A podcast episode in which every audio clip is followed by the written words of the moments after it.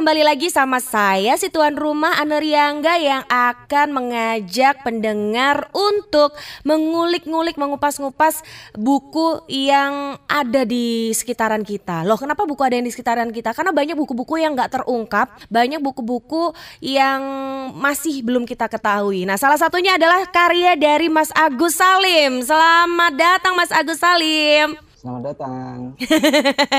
Selamat datang di rumah kata. Baik, sehat Mas Agus? Sehat. Alhamdulillah.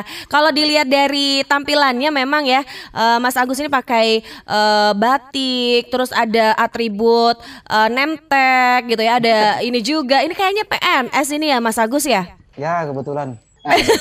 PNS. PNS di di instansi mana Mas? Ini baju seragam Selasa memang. Oh, kebetulan eh, baju seragam Selasa, hari Selasa. Hmm. Oke, okay, spesial banget ya batiknya bagus banget. Ngomong-ngomong, ini apa namanya Mas Agus dinas di instansi mana? Ketua DPRD Oke, okay. sehat Mas hari ini Mas? Sehat. Alhamdulillah. alhamdulillah.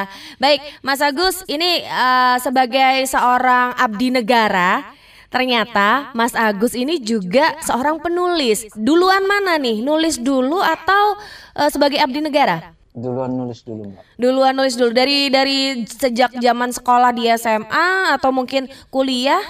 Kalau suka nulisnya mulai SMA. Mulai SMA. Nah, ke yang inten intennya ya waktu kerja di Surabaya. Oh, waktu kerja. Oh, pernah sempat kerja di Surabaya ya?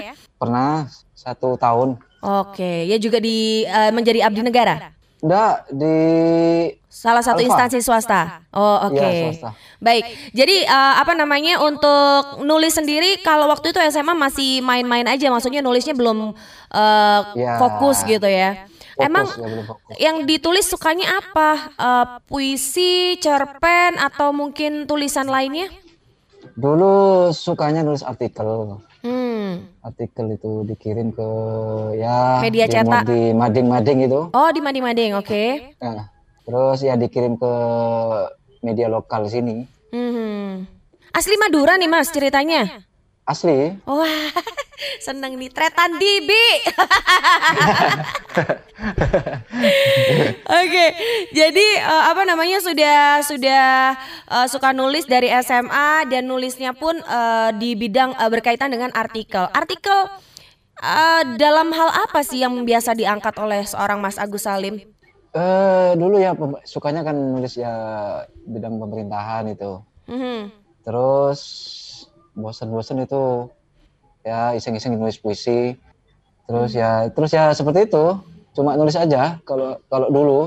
Inspirasinya dari mana? Maksudnya orang tuh kan nulis tuh eh, nggak uh, langsung nulis nggak ada ide nggak ada apa ya nggak ada sumber inspirasi uh, tahu-tahu bisa nulis kan nggak mungkin banget nih Mas Agus. Kalau Mas Agus sendiri waktu itu kenapa tergelitik untuk menulis gitu? Apakah karena aduh ini kalau nggak aku tulis eman nih? Atau mungkin karena uh, apa namanya uh, ada sesuatu hal yang uh, penting banget ada momentum momentum momentum momentum penting gitu ya di mana Mas Agus aduh ini harus ditulis nih ini ini bisa jadi sejarah nih gitu. Atau gimana nih? Apa apa karena patah hati nulisnya jadinya? Ah itu. Kalau artikel itu kan idenya saya kan apa suka mengamati itu. Mm-hmm. Mengamati ya mengamati orang-orang itu yang berjalan-jalan itu. Mm-hmm. Terus ya muncul ide. Biasanya dulu saya suka mengamati pegawai negeri dulu.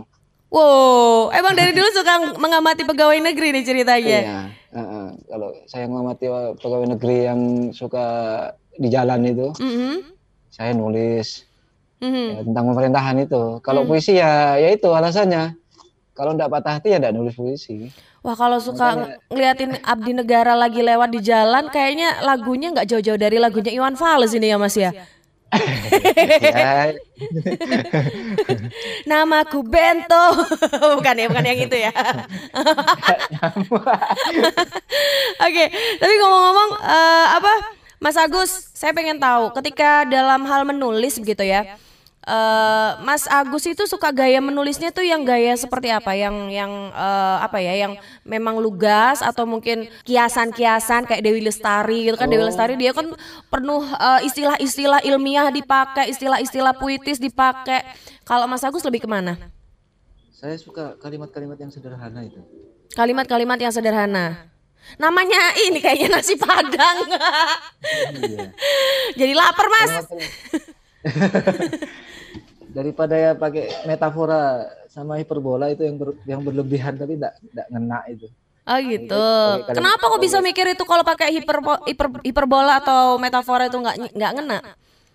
Ya terlalu itu kan kalimat sederhana itu bagi saya itu ya kalimatnya sederhana tapi maknanya dalam itu. Daripada hiperbola itu seperti seperti seperti atau berlebihan itu kata-kata yang berlebihan tapi tidak tidak ada isinya kan percuma juga. Hmm. Mas, Mas Agus, uh, apa namanya kalau dalam hal menulis itu selain inspirasi, apakah perlu kemampuan khusus untuk menulis? Ya enggak lah. Enggak ya? Cuma ya itu ilmunya kan kuncinya satu kalau menulis itu. Hmm? Ya membaca, membaca, latihan. Hmm. Kalau tekniknya kan bisa bisa dipelajari. Hmm. Membaca, membaca dan latihan. Iya. Pasti bisa ya kalau pokoknya ada latihan, suka membaca, pokoknya itu pasti bisa ya. Ya, pokoknya jangan jangan dulu mau apa bercita-cita mau menembus media. Jadi diutamakan dulu menulis yang baik gitu lah. Mhm. Terus untuk penulis-penulis eh, sekarang ini kan Ana lihat itu lebih suka nulis di apa namanya di media sosial. Apakah itu sudah bisa dibilang penulis kalau menurut Mas As- Mas Agus? Ya semuanya kan ya kalau kalau orangnya mau mau bilang dirinya penulis ya penulis. Tergantung ini ya, tergantung pede apa enggak ya mengakui diri atau Iya. menasbihkan Kan diri sebagai seorang di penulis Facebook ya. kan, Facebook itu kan banyak nulis puisi itu. Mhm, mhm. Nah, kalau orang yang nulisnya itu ya bilang puisi ya puisi. Gitu. Tapi kalau yang orang yang sudah tahu nulis puisi ya bukan puisi. Tapi Mas Agus sendiri juga main medsos nggak untuk menuangkan tulis-tulisannya, tulisan-tulisannya Mas Agus? Nggak, nggak, kalau saya kalau nulis tidak pernah di misalnya- mau nulis puisi itu Mhm, nggak, nggak pernah di ditaruh di medsos. mhm. Nggak pernah Jadi ya? saya ya, taruh dulu, diendapkan dulu, terus dikirim ke media, nggak pernah di medsos. Oh gitu. Nggak butuh popularitas. Biasanya kan orang-orang itu eh, penulis-penulis jadi terkenal karena mereka juga apa ya memasarkannya juga melalui media, melalui web kayak gitu. Eh, media sosial maksud Ana. Ya kalau penulis, kalau ya banyak penulis-penulis yang cari seperti itu. Hmm. Ya, cuma saya kan intinya kan penulis. Hanya Jadi pokoknya menulis eh, sesuai menulis. passion gitu ya. Iya, toh nanti pada akhirnya kan dikenal juga. Soalnya ada ada di di website itu memang yang menampung khusus karya penulis. Hmm. Penulis-penulis yang sudah dimuat di media itu. Mhm, Itu ada di Lakon Hidup namanya situsnya. mhm, Bisa dicek di sana. Semua penulis se-Indonesia mhm. ada di ada di sana namanya.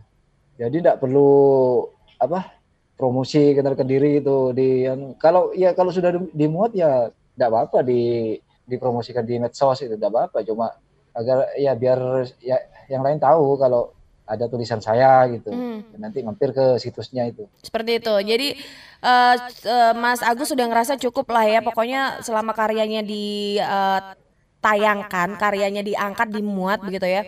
Itu eh, nanti tergantung selera pasar aja gitu ya. Iya. Hmm. Kok kepuasannya yang dimuat itu, Mbak? Kepuasannya justru dimuatnya itu ya. Nggak nggak nggak cari masalah popularitas gitu ya. Enggak, semuanya, Mbak. Semua penulis ya gitu. Kepuasannya di dimuat waktu dimuat. Oke, Mas kita istirahat dulu, jeda dulu sebentar karena kita bakalan dengerin lagu dulu. Uh, yang ya. jelas, uh, Ana ingetin sama pendengar untuk pantau terus Rumah Kata bisa melalui Instagram dan juga YouTube di RRI Surabaya dan juga bisa lewat podcast di RRI Kas. Ana bakalan balik. Baik, eh, berikutnya kita akan tanya-tanya sama Mas Agus tentang eh, pengalaman selama menulis. Pengalaman selama menulisnya Mas Agus Salim seorang PN PNS di salah satu instansi pemerintah di daerah Sumeneb Madura ya. PNS itu kan sudah menyita waktu, Mas. Apakah Mas Agus itu nggak ini apa namanya eh, terbebani dalam hal menulis? Apakah ada target-target sendiri begitu? Eh, gini ya, dipahami dulu di bahwa penulis menulis itu satu hobi, jadi kesenangan. Passionnya memang menulis begitu ya? Iya, Hmm. iya, kesenangan dulu di, diartikan sebagai kesenangan dulu. Kalau tidak diartikan kesenangan kita pasti tidak punya waktu. Hmm. Saya nulisnya kalau kalau nulis itu pasti pagi, mm-hmm. subuh itu terus ngeditnya itu baru malam oh gitu jadi nggak menyita waktu selama bekerja di kantor ya iya terus uh, tulisan-tulisan yang diangkat untuk sekarang ini apa nih saya lebih fokus ke cerpen mbak hmm. Udah berapa cerpen yang dihasilkan aduh saya lupa ngitungnya itu kurang lebih deh, kurang lebih itu itu itu yang uh, sudah dimuat kurang lebih ada berapa? Kalau yang di yang ada di situ situ 13. Kalau yang tidak di belum yang dimuat, belum dipublish, di, uh -huh. nah, di update itu ya banyak sekitar berapa ya? Puluhan lebih lah. Boleh dong ya. ceritain dari beberapa cerpen itu mana yang Mas Agus ingat? Yang ingat ya saya yang lebih lebih ingat ya yang di di media nasional itu. Hmm, ya boleh deh cerita yang itu. Hah? Boleh cerita yang itu. Itu judulnya apa? Bercerita tentang apa? Dan proses penulisannya berapa lama? Dapat inspirasinya dari mana? Saya nulis saya nulis itu yang di di media Indonesia itu nama judulnya pencuri kesunyian itu. Pencuri kesunyian. Iya, itu yang berkesan mm -hmm. Karena saya pakai kalimatnya kalimat sangat sederhana. Mm tapi tekniknya ya tekniknya ya bermainnya di sudut pandang poin hmm. view-nya itu saya main mainnya di sana jadi berubah-ubah sudut pandang hmm. tapi pesannya ngena emang pesan, pesan apa yang ingin disampaikan ya pesannya ya waktu itu kan saya itu kan cerita sehari-hari hmm. bahwa kita punya bertetangga gitu ada kadang-kadang ada kadang-kadang tetangga yang kita yang suka resek itu hmm. jerit-jerit suaranya teriak-teriak kalau pagi itu. Hmm. Itu senam olahraga itu, olahraga mulut itu. Berteriak-teriak di pagi hari. Jadi ya, gimana? Terus terus itu aja udah bisa bikin ini ya ide untuk nulis ya. Iya. Seder, sederhana idenya, tapi ya bisa jadi luar biasa kalau di diramu. Ya, hmm. Seperti memasak lah. Hmm seperti memasak. Jadi gimana uh, cerita tentang kehidupan bersosialisasi dengan tetangga saja kah yang diangkat di situ? Tapi apanya nih yang mau disampaikan? Kalau kita bertetangga ya sudah biasa aja.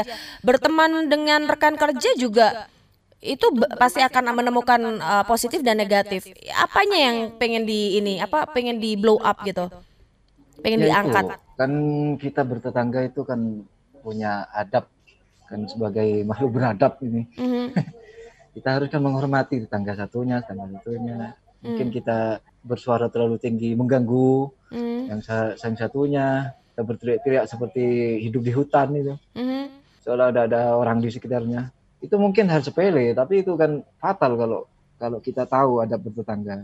Ada bertetangga. Ada literasi-literasi yang Mas baca nggak untuk memperkaya uh, karya tulis Mas Agus tadi? Misalnya mungkin ngambil kalau, dalil dari kalau, agama Islam atau apa ya, gitu. Ya saya dasarnya agama. Hmm. Saya baca dulu, takut keliru, hmm. nyentumkan nyentumkan kutipannya itu takut keliru. Hmm. Saya baca dulu sumbernya dia dari agama itu dari dari kalau tidak ayat ya pakai hadis. Kenapa sih Mas kok gelisah banget masalah tetangga rame kayak gitu? Apa poinnya cuma masalah gara-gara tetangga rame terus ya, kita harus beradab gitu? Iya itu kan kalau di sekarang kan dianggap biasa ya.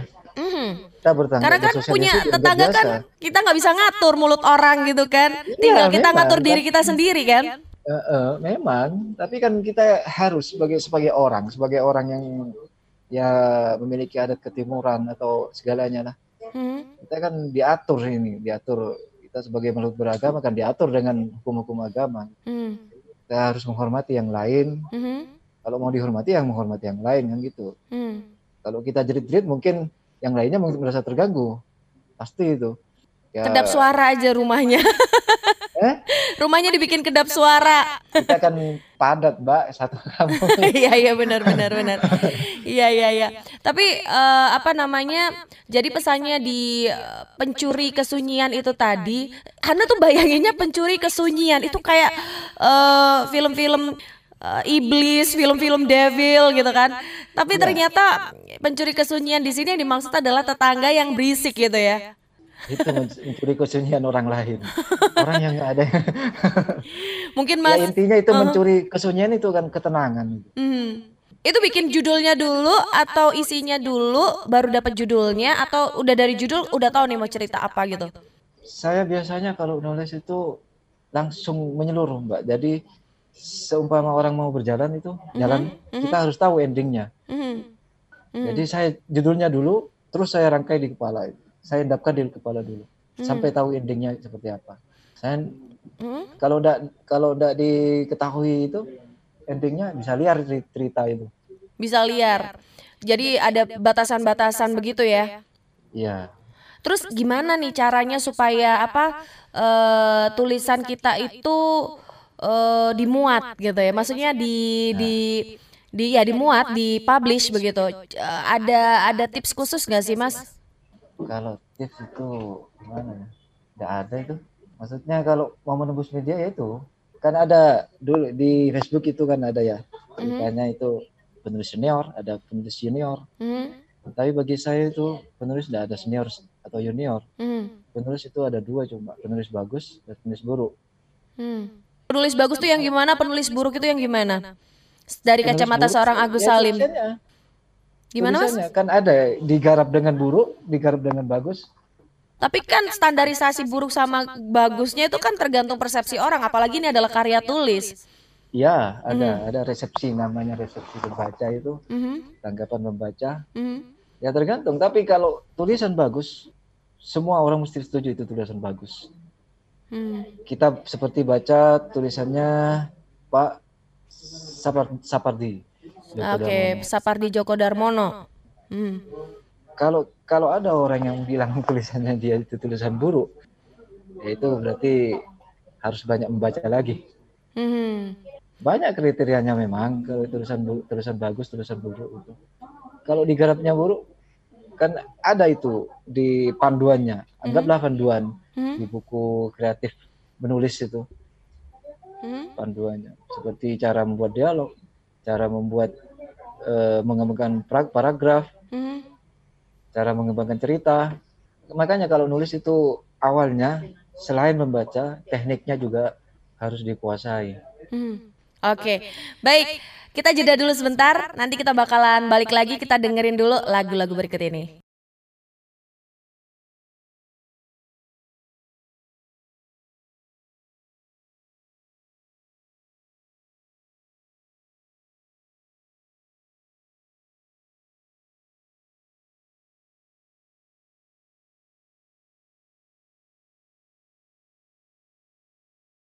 Oke balik lagi di rumah kata masih bareng Anne dan juga Mas Agus Salim penulis yang juga eksis sebagai abdi negara di Sumeneb Madura. Wah, yeay. Mas Agus, tadi kita udah ngobrol panjang lebar, santai-santai aja sih ngobrolnya ya tentang apa ya, gimana menulis, dapat idenya dari mana. Tadi Mas Agus pun juga sudah menyebutkan tentang uh, nama seorang penulis tersohor legend di Indonesia uh, Sapardi Djoko Darmono. Ada lagi nggak uh, apa namanya penulis senior yang jadi apa ya paling nggak sumber inspirasi, sumber bacaan uh, dari Mas Agus Salim? Iya ada. Saya suka bukunya Afrizal Malna. Afrizal mana? Itu penulis puisi sama penulis cerpen itu. Mm -hmm. Tulisannya itu luar biasa. Apa yang bikin luar biasa? Kalimatnya itu kalimatnya yang dia rangkai itu seperti apa ya? Seperti tidak ada kata-kata yang sia-sia itu yang ditaruh itu. Mm. Kita kan ada kadang-kadang itu nulis tulisan itu yang akrobat sampai tulis kata-kata sampai jelimut itu. Itu kalau Pak Afrizal itu saya, saya bilangnya Pak ya karena dia lebih tua dari saya. Mm-hmm. Itu tulisannya itu sederhana kalimatnya itu, tapi wah maknanya luar biasa. Begitu ya. Kita kan selain membaca itu harus paham maknanya juga. Belajar belajar memahami maknanya itu. Tapi yang ditulis sama Afrizal itu eh, Bapak Afrizal itu tadi uh, berkaitan dengan apa? Biasanya tentang uh, percintaan kah? Atau tentang masalah sosial seperti yang Mas Agus tadi tulis di karyanya uh, pencuri kesunyian itu tadi? Wah kalau Pak Afrizal biasanya itu biasanya tentang budaya tentang kalau kalau saya anu ya kalau tidak salah ya biasanya. Kalau nggak salah benar mas. Iya kalau nggak salah benar. Biasanya itu kehidupan sosial yang diangkat, mm.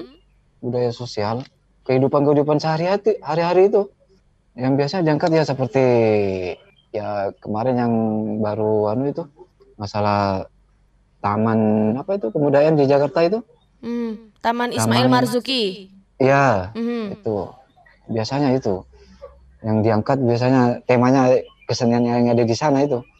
Ini jadi kayak menggambarkan Mas Agus sendiri ya. Mas Agus tuh kayaknya memang tipe-tipe yang uh, uh, mengang uh, suka banget sama hal yang berbau sosial, budaya seperti itu. Iya, betul Mas. Iya. Nah, ngomong-ngomong kalau soal percintaan, Mas Agus ini jomblo atau udah menikah? Wah, alhamdulillah saya sudah punya satu. Sudah punya satu. Nah ini masalahnya pertanyaannya, apakah tidak pernah ada romansa-romansa yang pengen diangkat di karya tulisnya? Ada, cuma hmm. berapa ya? Dua. Dua cerita pendek saya bilang uh, menceritakan itu. Hmm. Ya tapi ya, ya itu kebanyakan ceritanya ya masa lalu yang terjadi di masa lalu, bukan masa sekarang. Masa lalu, bukan masa sekarang hmm. ya. Masa lalu yang membuat uh, manusia jadi lebih belajar lagi begitu ya. Ya.